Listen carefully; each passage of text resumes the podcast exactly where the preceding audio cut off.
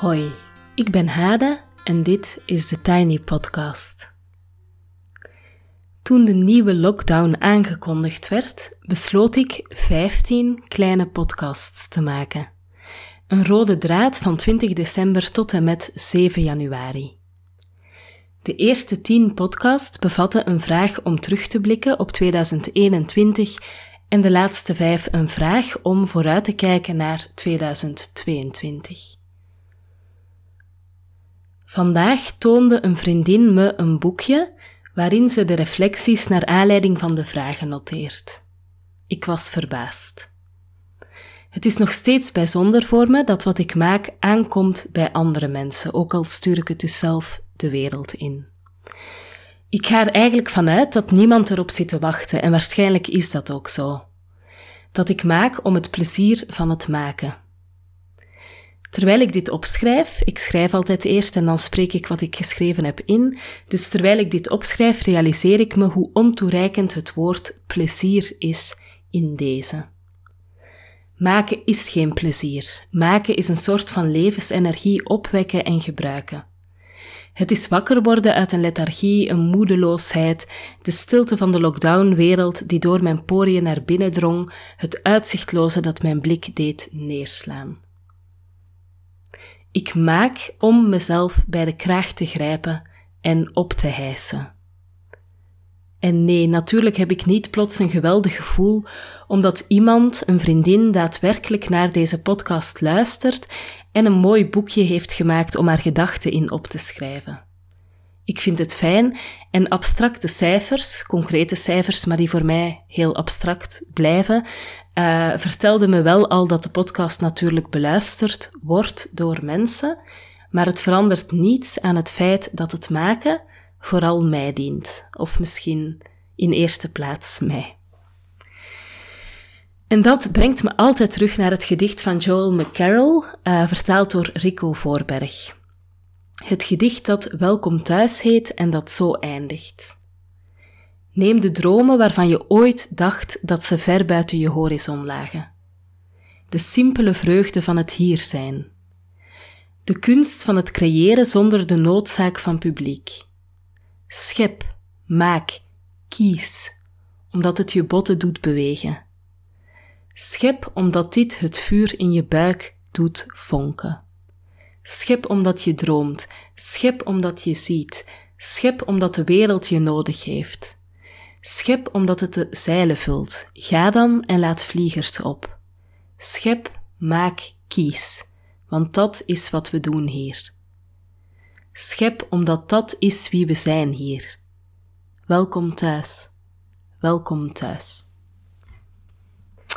Het doet me ook altijd denken aan Julia Cameron, uh, de auteur van The Artist Way, uh, die aanraadt te creëren, te zorgen voor de kwantiteit en de kwaliteit over te laten aan een hogere macht. Ik zorg voor de kwantiteit en voor de continuïteit, en dat is wat ik doe. De kwaliteit, dat zien we dan wel weer. En dit is dag 4 van de 15 podcasts die ik maak als rode draad voor deze periode. De vraag die vandaag centraal staat is: wat in jezelf heb je beter leren hanteren het voorbije jaar? Zet de podcast even op pauze en ga schrijven in je mooie boekje dat je misschien wel speciaal voor deze gedachte beplakt hebt met beelden of letters. Ik vertel jullie zo mijn antwoord.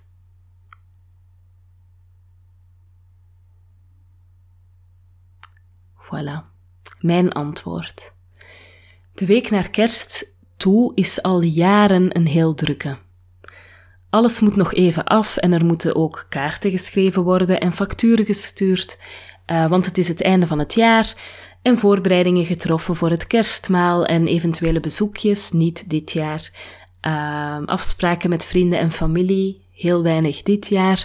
Um, en er moet worden opgeruimd en afgesloten. Dit jaar is het erger, door de lockdown en de oppas die ziek is. Pieter en ik hebben een soort wedstrijd. Degene die een vergadering, een meeting heeft, die wint de werktijd. Dus ik fiets de hele dag op en neer naar mijn kleine kantoortje, dus tussen mijn huis en het kleine kantoortje. Vanochtend had ik de wekker om vijf uur gezet, want er is nog zoveel te doen en zoveel te maken. Maar ik was zo verkouden en ellendig en ik geraakte gewoon niet uh, uit de startblokken. De wekker werd opnieuw gezet om zeven en om negen na een ochtendspits met de kinderen fietste ik naar kantoor. Ik had immers gewonnen, ik mocht een gastles geven tot de middag en dat gaf mij het volle recht op uh, werktijd. Daarna heb ik nog meer werktijd gewonnen, want ik had daarna ook nog een vergadering. En tussendoor heb ik linzensoep gehaald bij een vrouw op de botermarkt, hier om de hoek, die altijd, zelfs al staat er een rij tot een straat verder, altijd vraagt hoe het met mijn kinderen gaat en of ik brood bij de soep wil. Ik overleg en daarna fiets ik naar huis. Ik ben twee uurtjes moeder voor ik weer terug naar kantoor ga voor een meeting. In die twee uurtjes heb ik ze onder andere zoet gehouden met een stukje ijstaart. Ik heb ze voor een film gezet uh, voor mijn vertrek, zodat Pieter met een half oog vader kan zijn en met een half oog zijn werk kan afmaken. En ik fiets terug. En ik ga overleggen en er is een gesprek met vrouwen en plannen voor het nieuwe jaar en afspraken die gemaakt moeten worden en dingen die onder woorden moeten gebracht. En daarna pak ik mijn boeltje weer en fiets ik terug. Ik haal groenten bij de supermarkt en voor mijzelf stiekem ook vegetarische snoep um, voor in mijn handtas voor soms als, een keer, als ik een keer zin heb in iets wat mijn kinderen niet hoeven te weten. En dan ben ik weer een paar uur moeder. Nadat de kleintjes in bed liggen, ben ik verslagen door de dag. Ik overweeg om deze podcast niet te maken, want het impliceert dat ik weer terugrijd. En wie zit er op te wachten? En dan herinner ik het me. Misschien niemand, maar ik maak, ik schep, omdat het mijn botten doet bewegen. Omdat dat is wat ik besloten had te doen. Ik stel het nog even uit, ik scroll nog wat en dan lees ik dat Bernard de Wulf onverwacht overleden is en daar ben ik helemaal stil van. Bernard de Wulf is vorige nacht door zichzelf gezakt, schrijft de standaard. En ik weet niet wat ze daarmee impliceren, maar ik neem het de auteur van het artikel kwalijk en ik weet niet exact waarom of wat. Misschien dat hij de omtrekkende bewegingen in de schrijfstijl van de Wulf gebruikt om postuum over hem te schrijven. Bernard de Wulf is vorige nacht door zichzelf gezakt. Ik stap op de fiets en ik ga weer naar kantoor en ik schrijf dit. Wat in mezelf heb ik beter leren hanteren het voorbije jaar? Dit denk ik de neiging te onderhandelen met mezelf, de neiging weg te kwijnen in een gedachte als er zit niemand op me te wachten. Het mezelf bij de kraag vatten, op de fiets zetten en op weg sturen om te gaan maken. Want dat had ik besloten te doen en dat is wat mijn botten doet bewegen. Voilà. Ik heb elke dag een tip en vandaag is het misschien een heel rare, maar wel vanuit de grond van mijn hart. Um, ik ben een feministe uh, en een van de kwalijke dingen rond feminisme vind ik zelf, is dat de bevrijding, de emancipatie van de ene vrouw vaak mogelijk wordt gemaakt door de andere. Als een vrouw bijvoorbeeld een baan neemt, uh, zichzelf daarin gaat ontplooien, gaat vaak niet haar man minder werken om op die manier zorg en huishouden gewoon eerlijk en gelijkwaardig te verdelen, maar vaak wordt er een andere vrouw ingehuurd om de strijk te doen, de vloeren te schrobben en de wc's schoon te maken. Een vrouw die weinig verdient, zelfs al voelt het voor de betalende partij, jij misschien, als veel. Voor mij voelt het ook altijd als veel als ik de poetshulp uh, moet betalen. Een vrouw die rugpijn heeft als ze thuiskomt. Een vrouw die vaak geen dertiende maand of vakantiegeld of wat dan ook krijgt. Heel vaak ook een vrouw die gewoon in het zwart wordt betaald. Uh, en die niet hoeft te komen als de bewoners van een huis een weekje of twee weekjes op vakantie zijn. Want dan kan je daar wel op besparen, toch? Wees decent. Ik weet niet meteen welk Nederlands woord daar um, goed voor zou passen. Dus ik zeg het even in het Engels. Wees decent. En als jij een, uh, een werkster, een poetshulp hebt, geef haar deze maand dan iets extra.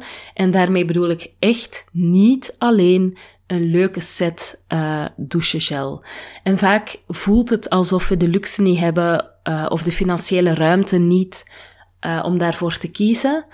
Ehm, maar ik denk dat het een kwestie is van prioriteiten en van bewustzijn. Dus vandaag de tip van, van de dag is, uh, is deze. Doe ermee wat je graag uh, wil doen en je mag ook kwaad zijn op mij. Um, last but not least, in januari starten we weer met een 10 weken programma Leer er voor jezelf zijn. Een van de thema's is wat jouw botten doet bewegen. Wat zorgt er voor jou voor vuur in je buik?